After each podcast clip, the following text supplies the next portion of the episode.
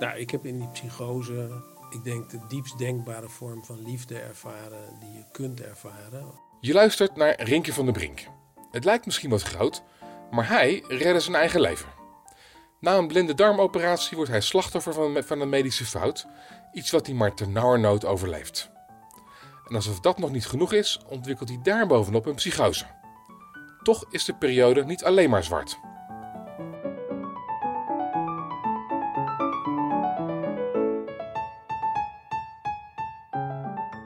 Je luistert naar Podcast Ui. De plek waar we schilverschillend leven afpellen en met de snippers van die ui het hele leven op smaak brengen. Mijn naam is Basti Barancini en in elke aflevering praat ik met iemand die naar de hel ging, maar ook weer terugkwam met prachtige levenslessen.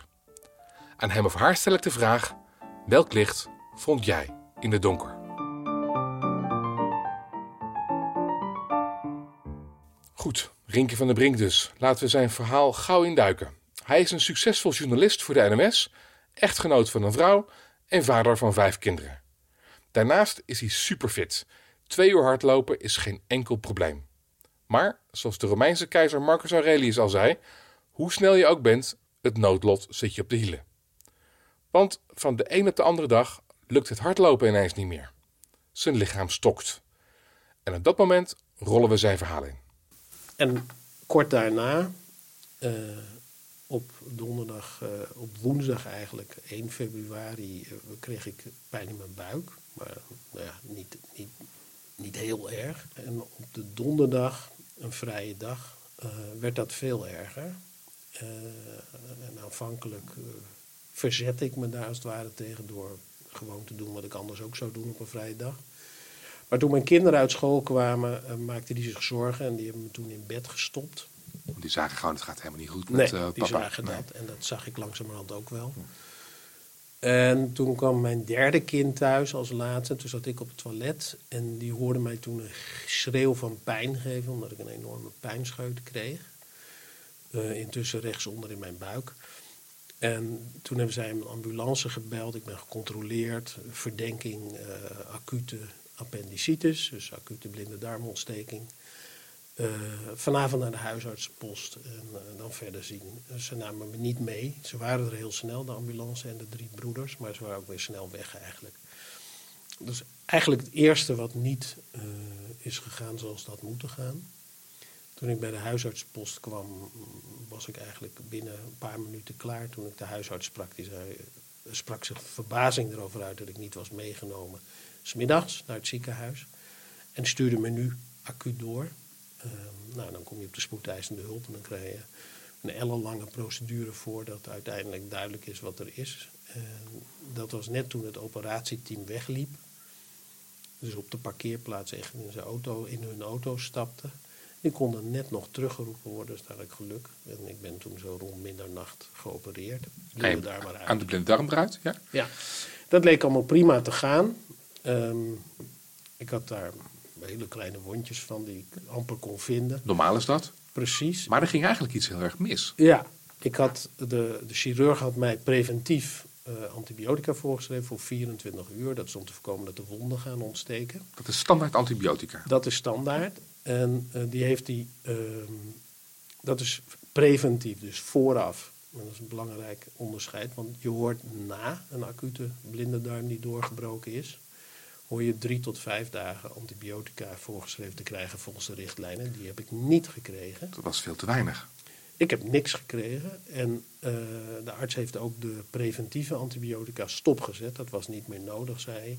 Allemaal omdat mijn buik er droog en schoon uitzag. Wat is het risico als je dat niet krijgt? Nou, het risico is wat er gebeurd is, dat je een uh, buikvliesontsteking krijgt, omdat je darmen per definitie vies zijn. Met dus bacteriën, is het allemaal bacteriën? Ja, er komt dus troep in je buik, dat is niet te voorkomen. In ieder geval kun je niet met blote oog zien of een schone en droge buik niet toch een paar bacteriën bevat. En als je pech hebt, kan een paar of één zelfs, uh, kan voldoende zijn om een ontsteking te verzorgen. En je buikvlies is eigenlijk een beetje uh, je laatste bescherming tegen uh, ontsteking. Dus als, als, als dat ontsteekt zelf, ja. eh, dan zit het al snel in je bloed en dan heb je een buiksepsis. Dat is gewoon een levensbedreig, Ja. een sepsis. Is dit een calamiteit, een fout of een incident? Ik vind het een calamiteit. Ja? Eh, Wat is een calamiteit? fout. Eh, dan hou je schade aan over. Eh, dat is dus een on- onbedoelde gebeurtenis waar, je, ehm, eh, waar de patiënt schade aan overhoudt of aan overlijdt. Nou, ik heb daarna, eh, op de korte termijn was de schade dat ik eh, een dag later terugkwam in het ziekenhuis en tien dagen aan infuus antibiotica heb gelegen. Nog eens een week mee naar huis heb gekregen en vervolgens nog een infectie heb gekregen als complicatie van de eerste infectie. Dus in totaal vier weken antibiotica. Dat verwoest je darmflora en zorgt voor een scherpe terugval in je conditie. Dat was allemaal enkele maanden eh, dat ik eh, gezondheidsschade opliep.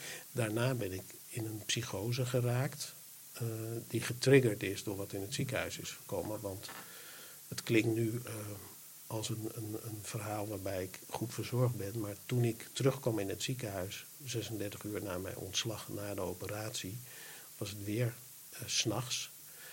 Eh, en ik, eh, zaterdagnacht. Ik ben dus zondagochtend heel vroeg weer in een bed beland. Nou, toen had ik nog steeds koorts. Daarvoor was ik teruggekomen. Die koorts liep in de loop van de dag op. En er kwam geen arts naar mij kijken. Ook niet toen ik daar vaker en vaker om ging vragen en zei dat het slecht met me ging. Ehm, en pas toen ik, eh, ik wist wat er gebeurde in mijn lijf, omdat ik een boek heb geschreven over antibiotica en infectieziekte in 2013. Dat is natuurlijk ook wel makkelijk. Het is een ontzettend meevaller dat je dus eh, al onderzoek had gedaan, professioneel, naar wat er kan gebeuren dan. Ja, En wat er gebeurde in je lichaam was een... ik ontwikkelde een, een bloedvergiftiging en eh, Ja. dat wist ik omdat ik twee soorten antibiotica kreeg om de koorts tegen te gaan. Maar dat lukte niet. De koorts ging omhoog, eh, ver omhoog, naar de 40 plus. 40. En er kwam maar geen dokter. En er kwam geen dokter. Dus ik heb op een gegeven moment besloten om niet langer te wachten tot die zou komen eh, eh, naar mijn vraag. Maar ik vind, het, ik vind het idioot dat, er dus, dat je dus iets ontwikkelt in je lichaam. De koorts loopt op tot boven de 40. Iedereen weet, dat is niet goed. Je vraagt om een dokter en die komt niet. Nee, die was te druk. Dus die, die arts, een Voor artsassistent iemand die een bloedvergiftiging aan het oplopen is. Ja. Ja, maar dat verwijder ik hem toch niet, omdat ik niet weet eh, welke patiënten hij op de spoedeisende hulp had zitten. Daar komt natuurlijk van alles binnen, mensen met sportblessures. Maar Dat is heel fideel mensen- van je dat je het hem niet mensen verwijt. binnen met hartaanval en, en Ja. hersenbloedingen. Dus ik, ik kan, eh, daar kan ik niet in treden. Hij had misschien een hele goede reden om daar te blijven. Eh, omdat wat hij over mij wist, wist hij op aangeven van de verpleging. Dus als die niet eh, de urgentie hebben overgebracht die er was. Ehm, en ik vermoed dat ze dat niet hebben gedaan omdat zij die urgentie niet zagen. En dus alleen in me doorgeven, die meneer wil dat je komt. En pas toen er 40 graden koorts was, stond er in mijn eh, status een uitroepteken. Maar toen waren we dus al een heel, hele tijd bezig om een dokter te En krijgen. toen heb je een buitengewoon bijzondere omweg genomen. Ja, ik heb een, mijn bekende hoogleraar in een ander ziekenhuis een eh, WhatsApp-bericht gestuurd. Microbiologie geloof ik hè? Ja, Eh, een paniekerig WhatsApp-bericht eh, waarin ik de situatie kort schetste. Ik lig in het ziekenhuis, ik krijg een Het bloedvergiftiging. fout. Het gaat echt mis En hier. ze komen niet. En kun jij de dienstdoende microbioloog opsporen en laten ingrijpen?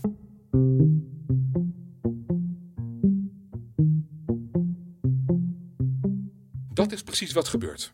En Rinke redt daarmee zijn eigen leven. De bacterie wordt verslagen en om even uit te rusten gaan Rinke en zijn vrouw op vakantie. Tijdens die vakantie zakt hij het eerst aan zijn knieën in de zee en bij thuiskomst in Nederland kan hij ineens niet meer slapen. En niet zomaar voor een nachtje, dat niet slapen, maar meerdere nachten achter elkaar. En daar raakte ik van in paniek, omdat ik wist dat niet slapen eh, heel slecht is. eh, zeker voor je geest, want die rust niet uit dan. En daarvan raakte ik in paniek. Ik slaap nooit niet. Dus als ik drie nachten achter elkaar geen oog dicht doe, dan weet ik dat er iets aan de hand is. En dat ik dus iets moet doen om te zorgen dat dat niet, eh, niet erger wordt.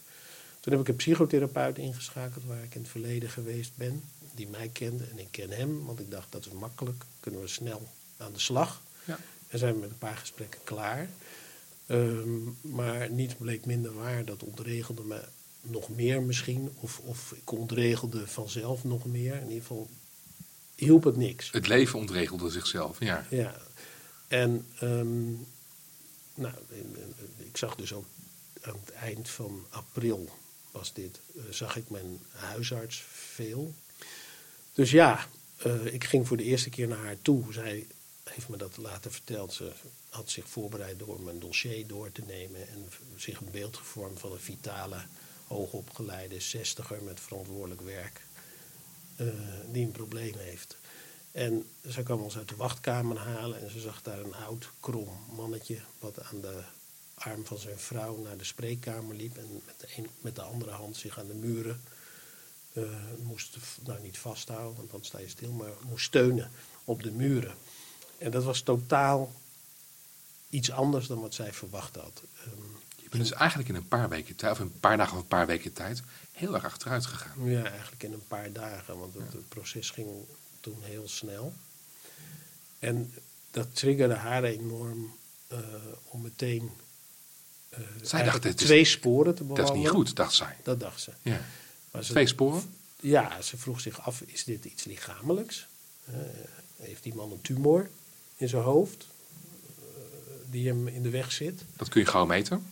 Juist, dus zij besloot om me naar een neuroloog te sturen om in mijn hoofd te laten kijken. Ehm, met de EEG en, eh, en een scan. En ze vroeg zich af, is er hier iets psychisch aan de hand? Dus ze is gaan overleggen eh, met een psychiater en met die psychotherapeut ook. En al heel snel heeft ze besloten, dit eh, gaat mijn pet te boven. Hier ben ik niet voor opgeleid. Ehm, en heeft ze me verwezen naar de crisisdienst. Kom je binnen bij de crisisdienst en daar eh, lopen heel andere mensen rond. Hè? Dat zijn ook een beetje de, de randfiguren in de samenleving soms. Ja, dat Wat dacht, je daar dat treft. dacht ik in ieder geval toen ik daar aankwam. Eh, om- en dat is een vooroordeel wat ik feitelijk heb. Ik kwam daar aan, ehm, heel blij dat ik daar naartoe mocht, omdat ik wist. Ook voelde wel dat zelfinzicht ik, had, eh, het gaat niet goed. Ja. Ja, en ik voelde dat ik daar wat te halen had. En ik kwam daar aanlopen en er zaten een aantal mensen in de zon, eh checkies paffend, met plastic bekertjes koffie. En ehm, ja, mensen die er niet goed uitzagen. Eh, en ik dacht, hoor, ik daarbij? Daar wil ik niet bij horen, maar ik hoorde er natuurlijk wel bij. Zij hebben misschien wel dezelfde gedachte gehad toen ze mij zagen. Met mijn handen op mijn oren en mijn zonnebril op en mijn hoed op. En, Waarom had je een zonnebril op en een hoed op? Omdat ik niet tegen licht kon. Ik kon niet tegen prikkels überhaupt. Ik kon eigenlijk ook amper kleren eh, verdragen. Dus ik had allemaal hele wijde spullen aan. En eh, licht katoen, zeg maar. De rest verdroeg ik gewoon niet. Eh, hetzelfde met geluid. Dus ik had op heel veel momenten sloot ik mijn oren af voor geluid. Kun je me vertellen wat er in een psychose gebeurt? Wat er vanuit jezelf? Nou, dit bijvoorbeeld. Hè. Je, Ja. denkt, ehm, eh, je denkt dat je kleren eh, je afknellen. Dat is niet zo, want die kleren had ik eh, een maand eerder gewoon aan en toen had ik helemaal geen last van. Had je veel last van op bijvoorbeeld dit een wapen? moment, ja, dit is natuurlijk Ja? eentje. Je, je kunt ehm, eh, geluid, bijvoorbeeld als we zaten te eten, ehm, kon ik er niet tegen. Eh, als er eh, al helemaal niet als er meer dan één gesprek werd gevoerd, als mensen door elkaar praten, daar kon ik gewoon absoluut niet tegen. Ik kon niet tegen licht. Ehm, dus ik liep permanent met mijn zonnebril op, ook binnen. Ehm, ik dacht eh, in die fase dat die psychotherapeut waar ik kwam, dat die mij aanstuurde door me met zijn computer signalen te sturen. Die voelde ik ook binnenkomen in mijn, in mijn hoofd. Wat voelde je in je hoofd dan? Als je Golfjes. die voelde je echt. Ja, die voelde ik echt. En als ik me daar heel erg op concentreerde, kon ik ze soms tegenhouden. Ja. Over, hoe het aan de, over hoe je het aan de binnenkant beleeft, eh, heb ik een klein fragment uit je boek geselecteerd. En ik zou je willen vragen of je die zou willen voorlezen.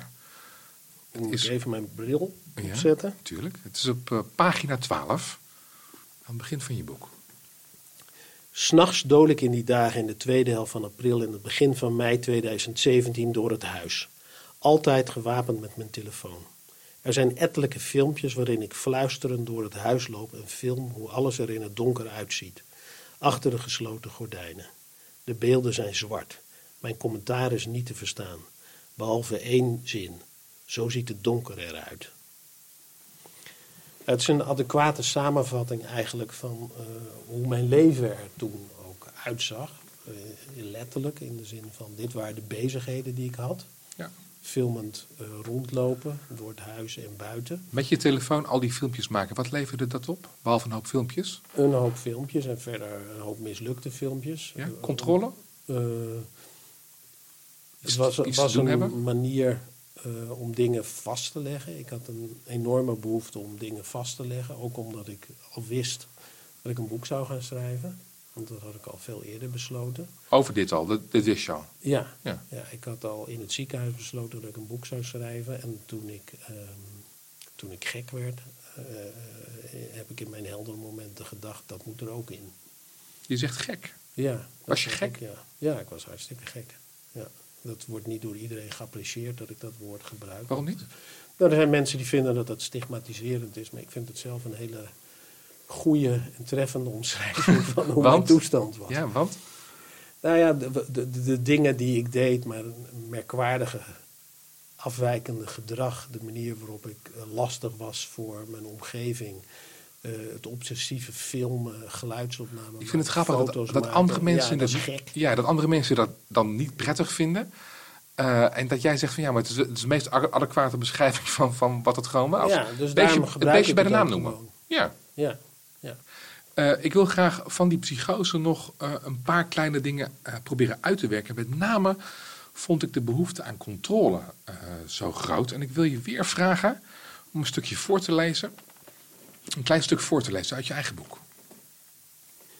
Toch zit ik op het toilet, meestal met de kraan aan. Elke nacht zit ik er een keer of tien. Intussen mompel ik zachtjes voor me uit. Dat is de wc-rol, dat is positief. Dat is het fonteintje, dat is positief. Dat is mijn liefje die me komt halen om me weer in bed te stoppen, dat is positief. Waarom ik allerlei dingen en mensen om me heen benoem en positief noem, ik weet het niet. Misschien omdat het me houvast geeft. Misschien omdat ik het nuttige voorwerpen en belangrijke mensen vind. De eerste mogelijkheid is de meest waarschijnlijke. Het is een manier om een minimum aan controle over mijn bestaan te hebben. Toen ik je boek las, van kaft tot kaft heb ik het gelezen. En dat thema controle lijkt daar zo in terug te komen de hele tijd. Absoluut. ik kan niet ontkennen. Ja. Um, dat is wie ik ben. Ik heb graag uh, controle over dingen. Dus Als mens, in, in, ja? het dagelijks leven, uh, lang voordat ik in de psychose belandde en uh, nu erna weer. Waarom is dat belangrijk voor je? Ik denk dat ik het iets minder heb dan, uh, dan voorheen, sinds die psychose, omdat ik heb gezien um, hoe makkelijk je het totaal kunt verliezen. Ja, waarom is het belangrijk voor me? Um, dat is een moeilijke vraag ik doe de dingen graag uh, op de manier waarop ik denk dat het goed is om ze te doen. Um, ik ben ook wel eigenwijs. Uh, mag ik een suggestie doen? Ja, dat mag. Ja. Controle, daar zit angst uh, vaak onder. Hè? Dus je probeert controle te houden om de angst te vermijden. Je beschrijft aan het begin van het gesprek dat je de zoon bent van een Joodse moeder. Jouw moeder heeft volgens mij ondergedoken gezeten in de oorlog. Ik zou me zo kunnen voorstellen dat, uh, dat er een soort van lijn van angst ook in de familie zit bij jou. Um, Als tweede generatie natuurlijk. Ja, nee, ik begrijp waar je naartoe wilt. Um, dat zou kunnen. Uh, in mijn behandeling heb ik het wel gehad over uh,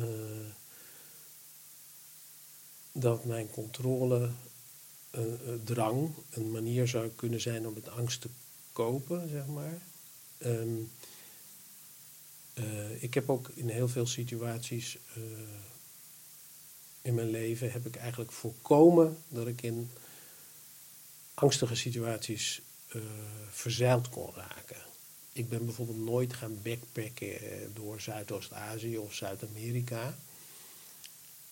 kun je, kun simpelweg omdat ik me daarbij niet op mijn gemak voelde, omdat ik te veel onverwachte dingen mogelijk zou tegenkomen waar ik geen controle op zou ja. hebben. En wat is die angst? Is dat een existentiële levensangst of angst voor dat andere mensen iets aan kunnen doen? Angst voor. Nou, dat ook. dat je, of heeft het geen kleur en geen vorm? Nee, dat heeft er zeker ook te maken met, eh, eh, met een zekere angst dat andere mensen me iets aandoen. Angst voor het onbekende. Ook en voor de onbekende, ja. Ja. ja. Ik probeerde net een link te leggen met eh, de Joodse afkomst die je hebt. En daar, daar lijkt je niet veel mee te hebben. Jawel, daar kan het mee te maken hebben, maar ik vind het lastig omdat. ehm, Je moeder is zo om- bang om- geweest om ook daar toen ze ondergedoken op een, eh, nou, als je met mijn moeder sprak, die is al lang dood, maar als je sprak over die tijd, die beschreef ze dan als een heel gezellige tijd met vrienden. Ze zat bij vrienden ondergedoken. Ehm, Geze- van- gezellig ondergedoken. ja, ja, ja. Dat was waarschijnlijk ook haar manier om met die herinneringen. Te kopen, want ik geloof Ja. er natuurlijk niet altijd heel... Ik ja. ook niet. Nee. Ik ook niet, want er waren zeer angstige momenten. En ze had een, een jong kind bij zich, van, eh, die is van 41. Dus eh, die was in die onderduikjaren echt heel klein. Ehm, dus dat was zeer gevaarlijk. En eh, er is twee keer een, een inval geweest in het huis waar ze ondergedoken zaten. Waar eh, mijn tante, niet echt familie, maar een hele goede vriendin van mijn ouders... eh, eigenlijk door heel kordaat ingrijpen heeft voorkomen dat ze ontdekt werden. Ehm, dus er zijn zeer angstige momenten geweest. En ze zijn op een gegeven moment op straat komen te staan omdat de tent afgebrand is. Heb je die angst overgenomen? Zou dat kunnen? Intergenerationeel doorgegeven is? Dat zou kunnen. Ja, ik kan alleen maar constateren dat ik eh, mijn hele leven ehm, dus behoedzaam ben geweest. En heb geprobeerd te voorkomen dat ik in situaties belandde eh, waar ik bang voor was of kon worden. En ehm, mijn voorzichtigheid, dus bijvoorbeeld niet gaan backpacken in, in eh, onherbergzame gebieden waar van alles kan gebeuren. Terwijl goede vrienden van mij ehm, in Colombia door guerrilla-gebied trekken. Wekenlang. Kun je je sowieso Ehm, afvragen of dat nou niet ja, slim Ja. Ja, maar goed, die doen dat gewoon. En anderen gaan drie maanden naar Zuid-Amerika of een half jaar naar Zuidoost-Azië. Daar heb ik allemaal geen enkele behoefte aan gehad ooit. Je bent een man van eh, de feiten. Nauwkeurig. Eh, en precies, dat is ook de manier waarop je dit boek hebt eh, opgebouwd. Heel nauwkeurig. Toen ik het, eh, en dat is natuurlijk ook een manier om, om wat te krijgen op wat, er is, op, op wat er is gebeurd. Toen ik het boek las, moest ik denken aan mijn eigen vader. Een aantal jaar geleden overleden. Hij was een ehm, man die in de bouwsector werkte en had daar vaak verschillende projecten onder zich van miljoenen euro's. Hij werd ziek, hij kreeg longkanker. En ineens was het van, een, was het van de gevierde man die, eh, die bouwkundig overzicht had over miljoenen euro's, naar iemand die controle had over zijn nachtkastje. En dat was nogal een verandering in de span of control, zoals ze dat zo mooi noemen. Jij was een gevierd journalist bij de NMS, en, en nog steeds, maar to- toen voor die tijd, ja, de zaakjes goed op orde. Eh, en ineens valt alles weg. Wat deed dat met je eigenwaarde, ook het verlies aan controle? Nou ja, heel veel. Je voelt je in, in zo'n periode ehm, toenemend eh, ja, nutteloos. Ja. Ja, op het moment dat je de, het, zeg maar het gevecht voor je hachje, toen dat achter de rug was, in, in, in eerste instantie was er niks aan de hand, gewoon een blinde darmoperatie. Of volgende week kunnen we nog wel het vliegtuig nemen, die wondjes zijn zo klein, dat kan wel. Nou, dan kwam de, de complicatie, de sepsis. Mag ik je onderbreken? Ik vind nutteloos is een mooi woord, maar het is, ik vind het wat. Ik vind het wat is, het, is, het, is het ook vernederend? Dat je wereld zo klein wordt. Ja, want ik wil graag nuttig zijn. eh, Het zat hem in het nut. in mijn leven. Dus ik beschouw wat ik doe in mijn dagelijks leven wel als nuttig. Mijn werk, eh, mijn gezinsleven. Ik probeer mijn kinderen eh, goed groot te brengen. Zit er een groot eer in nuttig zijn? Ehm, ik vind dat heel belangrijk omdat ik bij wil dragen aan de maatschappij. Ik vind ehm, dat we onderdeel zijn van een samenleving waarin iedereen zijn partijtje mee moet spelen. Dus dat wil ik heel graag doen. Dus op het moment dat ik uiteindelijk eh, een jaar dat niet kan doen, dat vind ik heel pijnlijk. En ehm, naarmate het jaar verstreek en ik heel langzaam opknapte, eh, kreeg ik dat gevoel van nutteloosheid des te, des te sterker als je op de bank zit en het zoveelste boek leest. En ehm, nou ja, in dat, het, ritme waarin ik toen leefde, in een, een nogal kleine wereld, ehm, dat vloog me ook wel aan. En ik, ik vloog niet mijn huisgenoten aan, maar ik was wel een plaag ook voor ze. Zeker in die eerste periode dat mijn, mijn gedrag ook heel moeilijk te hanteren was. Uh, we praten eigenlijk over de interactie met je omgeving. Hè? Over hoe je in je gezin staat. Je stond aan het hoofd van een gezin samen met je vrouw. Met een aantal kinderen. Daar dan weer onder, zeg maar. Als je dat in een mooi schemaatje zet. Hoe is de, en laten we beginnen met je vrouw. Hoe is de relatie met je vrouw veranderd? In die, bijvoorbeeld in die psychose. Um, nou, ik heb in die psychose... Uh, ik denk, de diepst denkbare vorm van liefde ervaren die je kunt ervaren. Omdat zij helemaal voor mij was en haar eigen leven gewoon opgeofferd heeft tijdelijk. Uh, ze is vijf weken thuis geweest omdat ik niet alleen mocht blijven. En was eigenlijk permanent bij me. Um, dat was heel zwaar. Dus af en toe nam een van de kinderen me mee uh, een wandelingetje in het bos. Maar ik kon niet lang wandelen, maar ik kon amper bewegen in het begin. En toen dat beter werd door de medicijnen, was ik nog steeds wel heel stram. Dus waren dat half uurtjes, soms misschien een uurtje, was ik dan weg. En dan kon zij even ademhalen. De meest diepe vorm van liefde, dat raakt me.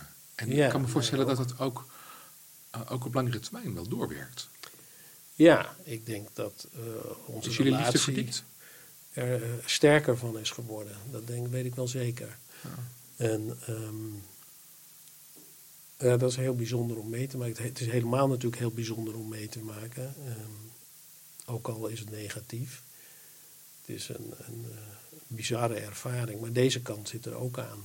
Het heeft natuurlijk ook ergens iets van een, een demasqué. Een, een, een, um alle decorum valt weg. En dan moet je ook maar hopen dat iemand bij je blijft. Ja, ja ik zou niet de eerste uh, psychosepatiënt zijn die uh, juist in de steek gelaten wordt, omdat zijn omgeving uh, niet kan handelen, of haar omgeving het niet kan handelen. En gewoon vertrekt. Waardoor... Of het niet aangenaam vindt wat ze zien. Nou, dat. Maar ook echt niet kan handelen. Het is nogal moeilijk om mee om te gaan. Ja. En um, zo belanden natuurlijk heel wat mensen uh, op straat. En die komen dan terug als verwarde personen in het nieuws. Ook dat nog. We hebben het over je vrouw. Daarnaast heb je een aantal kinderen. Wat trof in je verhaal was dat op een bepaald moment komt... Uh, dan is je vrouw blijkbaar even weg. Dan komt je dochter op je passen. je moet even gaan slapen smiddags. En zij laat je je telefoon inleveren. Ja. Oei. Ja, dat... Dan worden de rollen flink omgedraaid. Ja, dat... Um ben je dan nog vader? Uh, nou, op dat moment niet in ieder geval. Uh, een van de andere kinderen, mijn zoon, die zei daar, kwam daar in het interview uh, wat ik met hem hield ook op terug. Je hebt je kinderen geïnterviewd ook voor dit boek? Ja. Um, ja met name de ouderen. Mijn twee jongste zonen die hadden het er op een andere manier lastig mee. Vonden het, ehm, de jongste vond het meest ongemakkelijk. Omdat hij de jongste was, denk ik. En de middelste van de kleintjes, die, die uh, probeerde me vooral te troosten en lief te zijn. Wat gebeurt er in een gezin als de rollen omdraaien? Ja, dat is natuurlijk heel gek. Mijn, mijn oudere kleintje, die intussen 22 is, Sam, die zei: Ja, ik voelde me, ik voelde me jouw vader en, en ik zag jou als mijn kind in allerlei situaties. En um, dat was ik ook.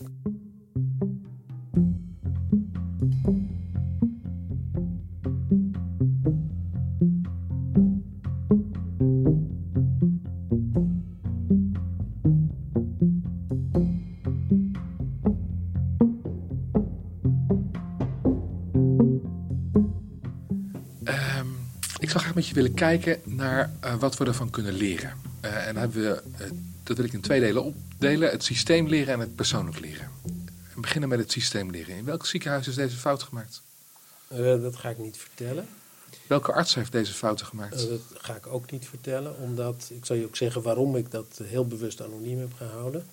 Om twee redenen. Uh, het had me in een ander ziekenhuis ook kunnen gebeuren, omdat er structureel een probleem is met de bezetting buiten kantoortijden in ziekenhuizen. Daar zijn Eh, vaak te weinig artsen, te weinig ervaren artsen.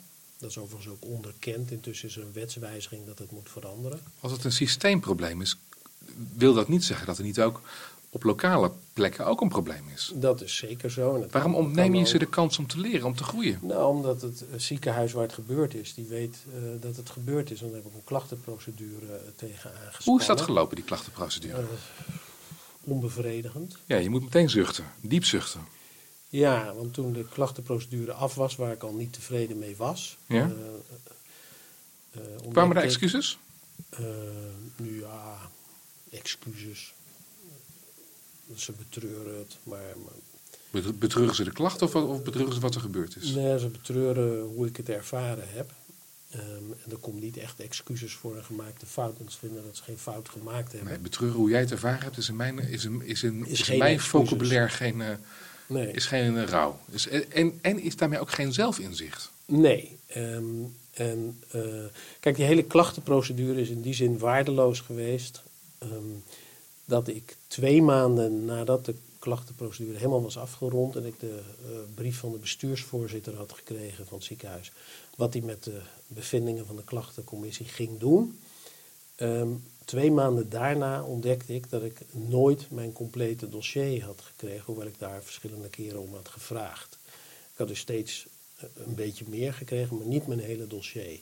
Dat betekent, kan twee dingen betekenen. Of, net als ik, ook de klachtencommissie had niet de beschikking over het volledige dossier, dus kon nooit een goed oordeel geven over wat er gebeurd is.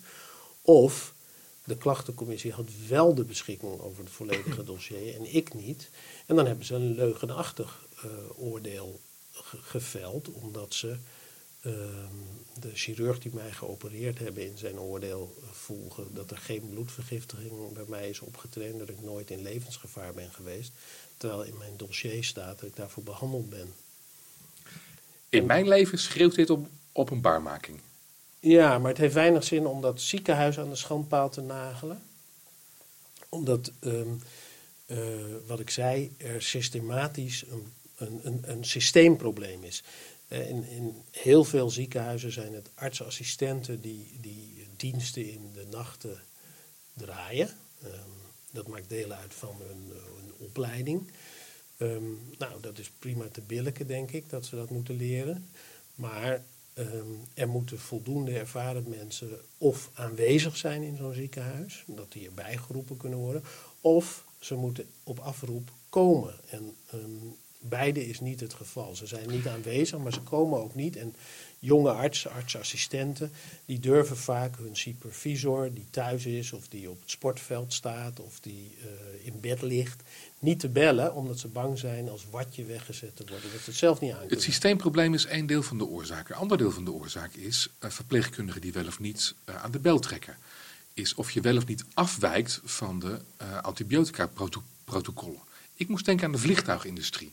Als daar een fout gemaakt wordt ergens, hoe kleiner, ben je verplicht om het te melden met naam en toenaam. En daar word je voor beloond.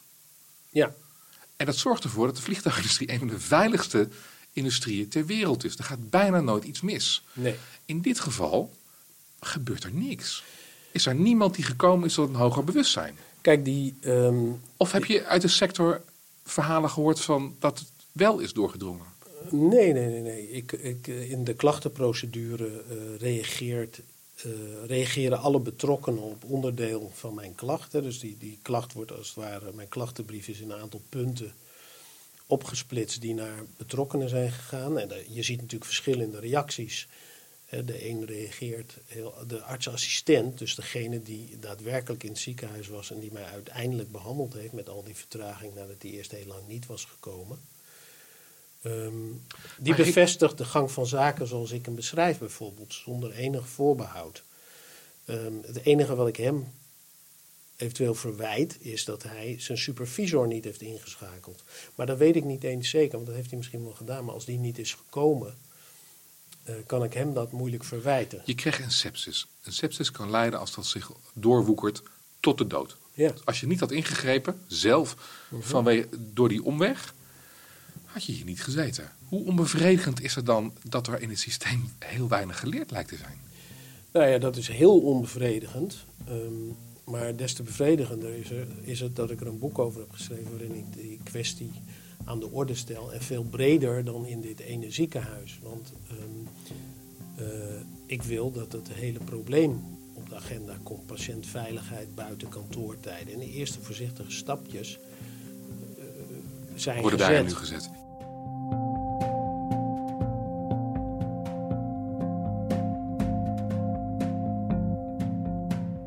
Naast het systeem leren is er natuurlijk ook het persoonlijk leren. In dit geval van Rinke zelf. Een van de grotere opbrengsten is een betere werk-privébalans. Vroeger ging hij pas naar huis als de taak af was, nu gewoon als het tijd is. Een officieel dienstbevel van zijn werkgever hielp daar trouwens ook bij. De opdracht was: doe minder in dezelfde tijd. Je bent ehm, een man, je bent een oudere man inmiddels. Van oudere mannen hoor je dat ze eh, milder worden. Zeker ook na crisis in hun leven. Ben je milder geworden? Mm, Ten opzichte van mijn jonge jaren ben ik zeker milder geworden. Ik zie meer ehm, de nuances en de, de grijstinten. Eh, komt denk ik ook omdat ik veel meer met, eh, met wetenschap bezig ben. Dus ik, ik, zie vaak dingen die niet zo eenduidig zijn. Eh, of die maar of die veranderen. De- Vandaag is er iets of je waar crisis daarmee te maken heeft meer. Nou, ehm, misschien. Ik denk dat dat wel een proces was wat, wat al in gang gezet was. Wat mogelijk met mijn leeftijd te maken hebben. En zeker met mijn ervaring. Dus ook wel met leeftijd, want die gaan wel samen. Of dit nu mij. ehm, het heeft me milder gemaakt in de zin ehm, dat ik sommige dingen eh, minder belangrijk ben gaan vinden ten opzichte van andere dingen. Dus ik vind mijn eigen privéleven eh, het belangrijkste. Ehm, en werk is heel belangrijk, maar wel minder belangrijk. Dus de dingen zijn in een ander perspectief terecht. Ja, en ik kan me voorstellen dat als, ik de- als je me daar twintig jaar geleden naar had gevraagd, dat het op zijn minst op gelijke hoogte stond als mijn werk eigenlijk niet het belangrijkste was geweest, als ik eerlijk was geweest. Ja. Je bent jezelf helemaal kwijtgeraakt in een bepaalde eh, periode. Ook wel weer teruggevonden, maar je bent jezelf helemaal kwijtgeraakt. Had je ooit kunnen denken dat een mens eh, zichzelf zo kan verliezen? Dat het ook een heel kwetsbaar laagje lijkt te zijn. Nee. Nee. Ten eerste had ik ehm, nooit gedacht dat ik een psychose zou krijgen. Want ik dacht, nou, ik heb alles goed voor elkaar. Eh, En hoe, leven loopt op rolletjes. En dus hoe dat leef gaat je- mij niet gebeuren. en hoe leef je nu, zeg maar, nu je weet dat het lijntje zo dun en kwetsbaar en breekbaar is? Ik ben alert. Dus toen ik vorig voorjaar merkte bij het schrijven van mijn boek... dat ik twee dagen per week, mijn vaste vrije dag en een extra dag...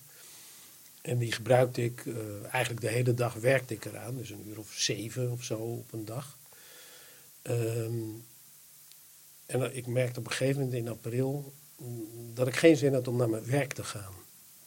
En dat heb ik mijn hele werkzame leven eigenlijk nooit gehad. Ik heb wel eens dat ik denk van vandaag is het wel erg mooi weer, laat ik naar het strand rijden in plaats van naar Hilversum. Maar meer dan dat niet. En nu had ik opeens gewoon totaal geen zin om naar Hilversum te gaan. Ik dacht van, oh, hoe kom ik de dag door? En ik dacht zelfs, hoe hou ik het nog drie jaar vol tot mijn pensioen? Nou, dat zijn allemaal gedachten die me totaal vreemd zijn. Dus ik constateerde dat er iets aan de hand was met me. En ik dacht, ik moet oppassen. Dus ik heb dat twee dagen aangezien, of drie dagen misschien. En toen heb ik met mijn vrouw overlegd. ehm, en eh, in overleg besloten om anders aan het boek te gaan werken. Niet te stoppen. Daar had ik namelijk geen zin in, want ik beleefde er ook plezier aan om het te schrijven. Maar er veel minder hard aan te werken. Ik heb er gewoon gehalveerd, een uurtje of drie, max vier op een dag. En verder wandelen of, of andere dingen doen, maar heel veel wandelen. Ehm, dat deed ik altijd al, maar dat ben ik gewoon meer gaan doen. En met een paar dagen eh, stapte ik gewoon weer in de auto en ging ik naar mijn werk zonder sombere gevoelens. En nog een paar dagen later ging ik er weer fluitend naartoe. Dus dat had een, ehm, die verandering in het ritme van het werken aan het boek had een enorme impact. Het was gewoon te confronterend, die herinneringen, al die ellende zegt, die ik ik word, zag en ik word las. alert, dus je hebt ook steeds beter in de gaten wie je bent en wat je nodig hebt. Nou ja, zo'n signaal pik ik gewoon op. Vroeger had ik gedacht van het zal wel. Ga gewoon, want het moet. En nu denk ik, shit. Ik ga niet depressief worden. Dat ga ik voorkomen. Dus ingrijpen. Ingrijpen. Wat ik ook nog dacht, het is ook wel een blessing in disguise dat jij Rinke van de Brink heet als je dit meemaakt. Ja. En dat is um, Want op het moment- bij het maatschappelijke aspect Ja, ervan. De, de, de, oneerlijkheid die daarin zit, dat ik toevallig ehm hoogleraar microbiologie in het Ja. ben, gespecialiseerd in infectieziekten. Wat was er gebeurd als je die achtergrond niet had gehad? Nou, dan was ik in ieder geval heel veel zieker geworden. Maar ik vermoed eigenlijk dat eh, mijn hartje op het spel had gestaan. Eh, ik heb nu het gevoel dat ik dat heb gered. Maar ik weet zeker dat ik heb voorkomen dat ik veel erger ziek ben geworden. Ik kan natuurlijk nooit met zekerheid zeggen dat je anders dood was gegaan. Maar die kans is gewoon nogal groot. Dat is het De cijfers spreken. Ja, dat is het. Ja, ja. Dus als, als, je niet dat net, als je niet die kennis hebt van wat er gebeurt in je lijf, hè, dat is eigenlijk het eerste punt. Die ik toevallig wel had, want ik had ook redacteur volkshuisvesting of onderwijs kunnen zijn. Maar ik had wel. Maar er is nog een. Maar, maar, ja, dat is, waar- en er is nog een tweede aspect. Dat is, dat is het namelijk het aspect dat je eh, een groot vangnet had van een gezin. Wat er ook voor je was. ja, Eh, maar op dat een moment goede had ik niet een goede werkgever. het vangnet. Oké, maar een goede werkgever die gewoon het loon doorbetaalt. Eh, een veilige thuisomgeving. Ook een huis wat, eh, wat gewoon doorloopt. Ja, maar dat speelde eigenlijk pas een rol toen ik eh, geestelijk eh, ziek werd. Ja, ja. Maar toen ik in het ziekenhuis lag, lag en het ging over... ehm, krijg ik hulp hier of moet ik dat zelf organiseren? Toen had ik niks aan mijn vangnet thuis. Snap want dat ik. moest ik zelf doen. Snap ik. Maar dit is En dat was mijn kennis en mijn netwerk, wat Ja. mij in staat stelde om in te grijpen, om te zorgen dat er wordt ingegrepen. En een willekeurig andere patiënt waarmee ik de kamer deelde, die had dat niet kunnen doen, omdat hij dat allebei niet had gehad. Dat is in die eerste fase is dat belangrijk. Ja. Speelt dat andere ehm, natuurlijk een hele grote Want rol. op het moment dat je eh, een slecht baantje hebt, of je woont alleen en je werkgever die dwingt je, of je zit ook eh, in financiële stress, hoe je je kinderen naar school, et cetera, dan komt daar nog ontzettend veel bij. En we weten al, stress is niet goed voor je. Ook in zo'n situatie niet. Nee, en, ehm, eh, als je alleen woont, ehm, de vraag is of je het overzicht houdt om je huur te betalen als je een huurhuis hebt, of je hypotheek te betalen als je een koophuis hebt. Als je een fikse psychose hebt, is het zeer de vraag of je dat soort dingen allemaal overziet. En eh, als je dat niet overziet, dan kan je maar zo op straat belanden. Eh, er zijn talloze mensen met een flexibel arbeidscontract. Die zijn gewoon hun baan kwijt. Ehm, nou, eh, zo kan je wel opnoemen. Als je niet de, het, het liefdevolle vangnet om je heen hebt van familie, gezin, vrienden, dan wordt alles eh, veel en veel en veel moeilijker. Alleen kan je het namelijk niet. Je hebt een boek ge- geschreven, dat heeft nu de wereld gezien. Eh, met dit boek wil je twee dingen bereiken. Het verbeteren van de patiëntveiligheid. Het tweede wat je wilde doen was helpen om een taboe te doorbreken op de GGZ. Dus dit kan eigenlijk iedereen overkomen. Iedereen kan patiënt worden.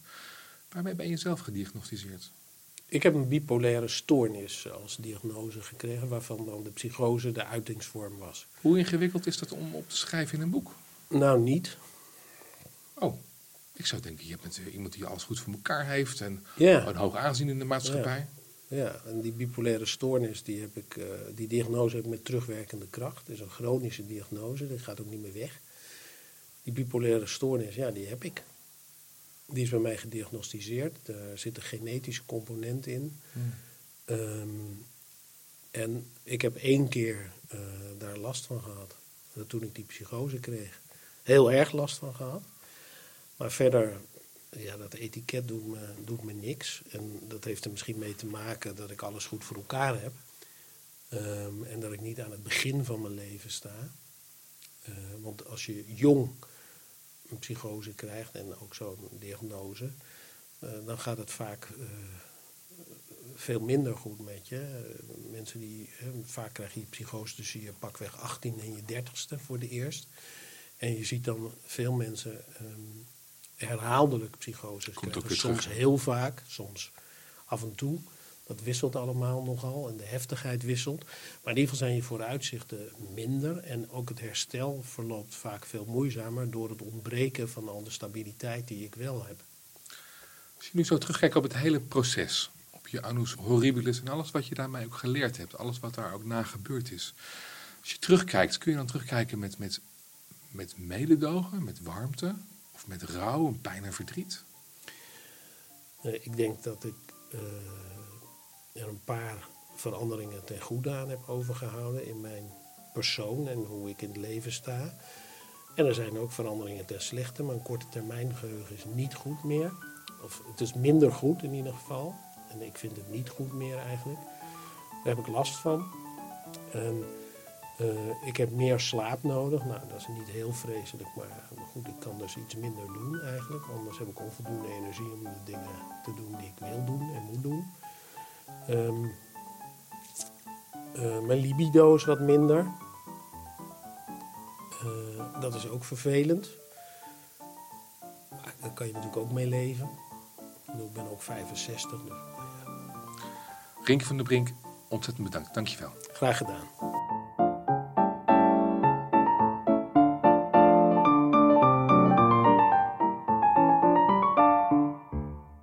Fijn dat je luisterde naar de aflevering met Rinke van der Brink.